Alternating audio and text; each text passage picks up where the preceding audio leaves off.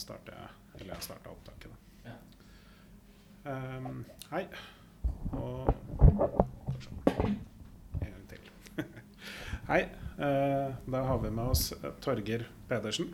Og har en liten oppfølging på uh, Morten Sandås. Uh, så Torger, velkommen. Takk, takk. Eh, Du starta en innsamlingsaksjon hos Schindler til Morten. Stemmer det. Har du lyst til å fortelle oss litt om den? Ja, vi, hadde, møttes en gang i måneden, noen kollegaer oppe på Mortensgro. Sånn eh, vann.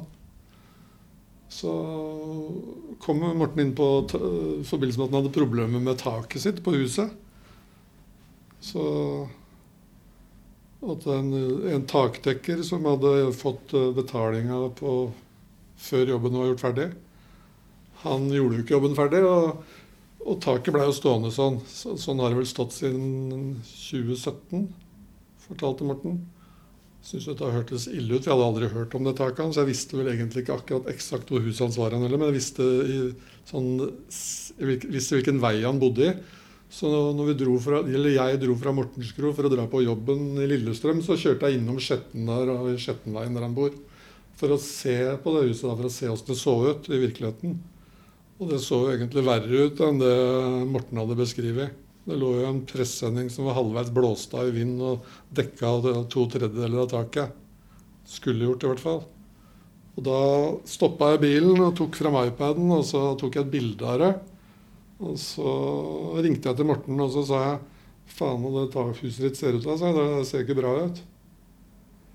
Er, lekker det hele taket, eller? Siden det ligger pressending. Ja, ikke hele taket, men det lekker over det utskottet på taket der hvor vinduet er, sånn, og så lekker det på sidene. For han har ikke gjort det riktig, og han har gjort mangelfull jobb, og han hadde ikke gjort det ferdig, osv. Men, og, og han fikk aldri tak i han fyren heller, han dukka aldri opp igjen.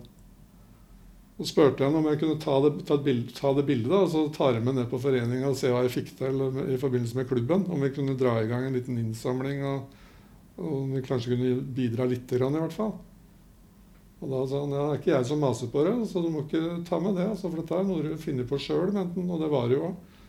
Men jeg er takknemlig jeg, sånn, hvis det er noen som kan hjelpe meg. Absolutt.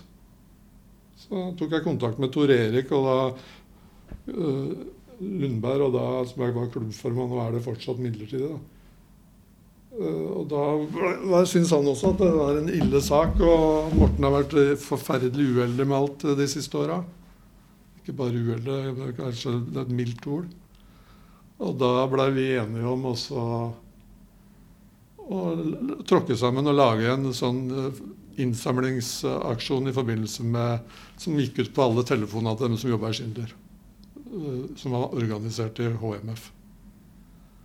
Og det gikk jo ganske kjapt, det. det var jo gjort, dagen etter så lå jo stykket ute, innlegget ute. og Når kvelden kom, så begynte det å plinge i telefonen til Morten. Så da fikk han i hvert fall inn såpass at han har fått eh, dekka denne advokaten da, som er, kjører dette inn i forliksrådet. Men som de sier, da, så har de ikke så store forhåpninger. Da, for han der såkalte håndverkeren han hadde jo ikke noe aktiva i det hele tatt. Så det var ikke så store forhåpninger å få noe spesielt ut av han. Nei, Så der, lå jo, der ligger vel saken, da. det var sånn vi, vi hørte fra Morten, og vi hadde intervju med han også. Mm. Ja, nei, det Heiselobbyen tenkte, var å videreføre den eh, innsamlingen du startet på. Så vi tenkte å dele telefonnummeret til Morten, og håpe at folk kan hjelpe han litt på VIPS. Var jo du, Emil, som, som satte oss på sporet. Ja, øh, hva skal jeg si. Jeg, eh, selv om Morten ikke ønsker det, så fikk jeg jævlig vondt av den historien hans. Og jeg tenker at eh, som kollega og kamerat av eh, oss heismotører, så må vi prøve å gjøre noe, gjøre noe for han.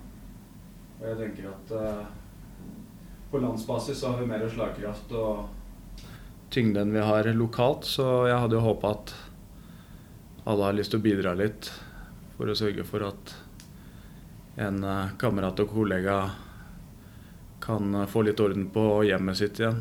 Eh, som Torgeir sa nå, det har skjedd ganske mye negativt i Mortens liv de siste åra. Jeg tror at alle som på en måte setter seg ned og tenker litt eh, Eller bare ser for seg å være i samme situasjon, hadde satt veldig pris på litt hjelp. Og på en måte når du ikke er i stand til å jobbe, eh, du har mista et kjært familiemedlem osv., så, videre, så er jo hjemmet på en måte det viktigste du har. da. Og hvis du ikke kan ha ro hjemme, så tror jeg det er veldig vanskelig å ha et godt liv. Så jeg håper at flere heismotører der ute har lyst til å bidra litt med det de kan, og sørge for at Morten kan få litt, få litt hjelp av oss. Ja. Morten var jo en jævla nevenyttig og, og virksom kar. ikke sant? Han var jo som en propell. Han uh, jobba jo Han reiv jo heiser og hadde tyngre jobber i alle de åra han var der, når, så lenge jeg jobba sammen eller i samme firma. Men Derfor er det så trist å se ham nå, liksom. Nå er han ikke i stand til å skifte fra vinterdekk til sommerdekk på sin egen bil engang. Nei, ikke sant? Du ser det lyser i øya på nå ikke sant? når han prater om jobben og heis. Ja. Du ser at han har lyst, men det er, liksom, det er, det er ikke muligheter for det. Ja. Jeg tenker også at det er viktig å hjelpe han der vi kan hjelpe til, i hvert fall. Ja. Passe på at han har det så bra som mulig. Mm. Mm. Så noen ganger så er det jo viktig også å hjelpe sin egen òg. Ja. ja, det er jo det. Eh, vi er jo flinke i eh, hva skal jeg si, foreningssammenheng til å hjelpe alle andre. og Jeg hadde jo håpa at vi kunne hjelpe en av våre egne medlemmer også. Ikke, sant? Eh, ikke bare med juridisk hjelp, men også litt økonomisk, sånn at vi kan ta en liten spleis for Morten. Mm. Nei, så da, da, prater vi med Morten, og så informerer han om at vi har lyst til å dele telefonnummeret hans. Så håper vi dere kan uh, stille opp med VIPS. Det er jeg helt sikker på at Morten setter pris på. Helt klart. Ja, og så hvis det er noen som ikke har VIPS, så er det bare å ta kontakt. Så hvis man har lyst til å bidra på andre måter, så skal vi få til det òg. Når vi deler telefonnummeret, så har dere kontaktinformasjon til han. Yes. Og hvis det er vanskelig, så kan dere også prate med oss i heiselobbyen. Ja. Så det går bra. Ja. Ellers hyggelig at du tok turen, eh, Torger. Bare Takk for det. Ja. Alt jeg vet du, for en god sak. Ja. Takk for at du stiller opp. Det setter nok alle pris på. Det er viktig at det er noen som tar tak i, i de sakene vi ser. Det er godt at noen tar tak i og viderefører det. Ja. Det syns jeg dere ha takk for. Så ja. setter vi pris på alle dere som støtter Morten. Absolutt. Ja, da har vi litt ekstra informasjon. Det ble litt ekstra Jeg kom, på, jeg var, kom litt brått på meg i stad at det var en podkast, så jeg hadde ikke forberedt meg spesielt. Så jeg kom på en historie som begynner egentlig med meg, da, men eh, den slutter egentlig Det handler egentlig om Morten Sandås på veldig mange måter. Som Morten Sandås, kanskje, så har heller ikke jeg trukket det store gulloddet. for å si det sånn. Jeg havna på Radiumhospitalet i 85 og fikk en alvorlig kreftdiagnose med påfølgende trøbbel. Og det endte opp i For å gjøre lang historie kort, så jeg, kom jeg på Rikshospitalet i 2012 uh, med noen jævlige smerter i underlivet, i blæra og nyreregion. Jeg ble liggende der på morfin til eh, tirsdag, og da spurte overlegen meg om han kunne sende meg til Ahus, fordi at de hadde ikke, de hadde ikke det rette utstyret på Rikshospitalet. Jeg syntes det virka rart, men eh, jeg sa OK, dere har vel ikke det, da. Så han spurte om jeg kunne ta drosje til Ahus. Og jeg dro til Ahus. Kom til Ahus med en bærepose og smerter som ut av en ville verden. Og der hadde de ikke hørt om meg engang. De visste ikke at jeg kom. Etter mye om og men da, så ble jeg da, da tatt imot da, og kom opp i, på urologisk avdeling. Uh, når jeg kom opp dit, så traff jeg noen leger, da, og de var og klødde seg i huet, for de hadde heller ikke hørt om meg, merkelig nok. Og ja, fikk, jeg fikk vente til morgenvisitten, sa de, så skulle de se hva som skjedde. Jeg fikk jo morfinbehandling hele natta. og Morgenen kom, og de sa dessverre, du kan, vi har ikke plass og tid til å ta deg nå, så du kan komme tilbake om to måneder. Jeg blei jo helt fortvila og sa men du kan ikke sende meg hjem igjen. Jeg har jo så store smerter. Jeg klarer ikke å være hjemme jeg da. Må du sende meg på sjukehjem, da, i det minste? da. Nei, du skal hjem igjen. Jeg tok drosje rett tilbake til Rikshospitalet, der jeg kom fra. Gikk opp på urologisk avdeling og, og sa at nå kommer jeg tilbake. Jeg kom ikke inn på Ahus. Eh, De på Riksen kvitterte med å si du tilhører ikke oss lenger nå. Da får du bare dra hjem. Ja, Men jeg klarer jo ikke å dra hjem. Jeg klarer ikke å stå på beina. Jeg har jo så jæslig vondt. Jeg har jo ligget her i tre dager før dere sendte meg på Ahus på morfin og smertebehandling 24 timer i døgnet. Og så skal dere sende meg hjem igjen. Jeg var dritfortvila. Nei, det nytta ikke. Kan må jeg bare innrømme at jeg hadde jo en, hatt en disputt med han overlegen der. Han likte jo ikke meg spesielt godt. Da. Dette ga kanskje et resultat av det. Og når nøden er som størst, da, så nekta jeg nekta jo å dra hjem. da. Jeg, la, jeg lå på gulvet inne på legekontoret til han der overlegen. Tvi, tvikroka. Og visste ikke med armer òg. Så kom jeg på en ting. Har bare én ting på huet mitt som jeg tenkte som kan hjelpe meg. Det er Heismontøras fagforening. Jeg hadde jo ikke nummer inne på telefonen, så jeg ringte til opplysninga. og og fikk nummeret til fagforeninga. Og, og, i andre enden så tok gudskjelov noen telefon, og det var Morten Sandås. Jeg, grei, jeg må bare innrømme, jeg grein og var helt fortvila av smerter og fortvilelse. Og Morten Sandås sa bare hold ut, sånn. Jeg kommer med en gang.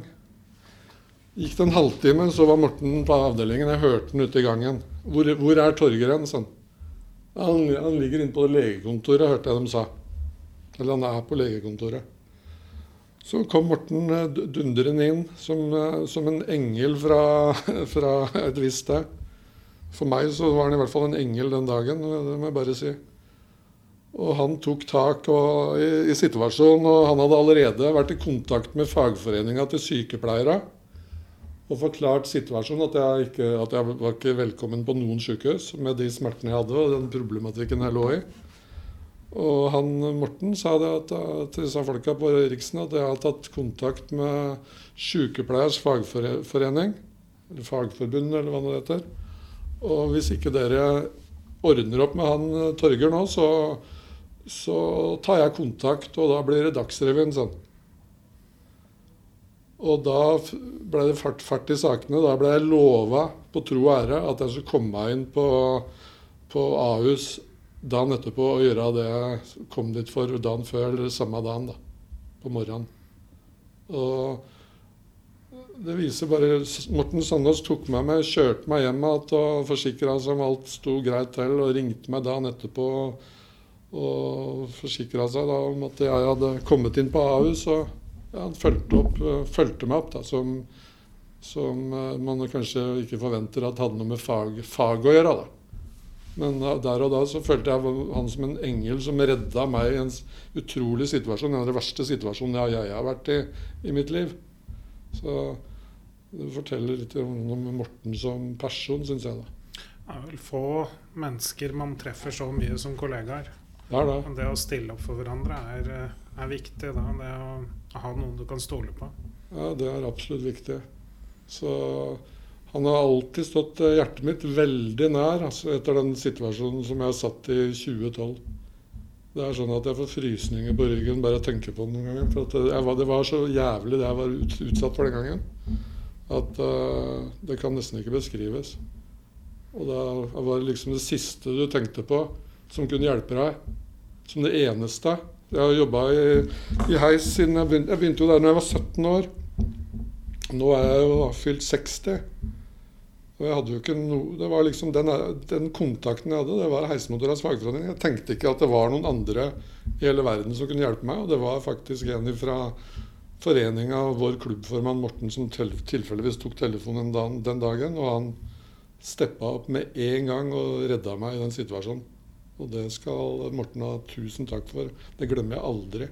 Og Derfor så håper jeg så jæsklig sterkt at vi også kan stille opp for eh, Morten på vår måte. Det skal ikke så mye til for, å, for Hvis mange drar og hjelper litt, så blir det et stort lass for Morten som kan flyttes på. Altså. Det føler i hvert fall jeg. Ja, men det, så det, var, det er en sterk historie. Ja. Det sier mye om personligheten. Det gjør det. Ja. ja. Takk for at du kom tilbake. Jo, vær så god. Fikk vi fullført denne. Jeg måtte bare ha den med. Så. Over og ut. over og ut. Ja. Takk for oss. Takk. Hei.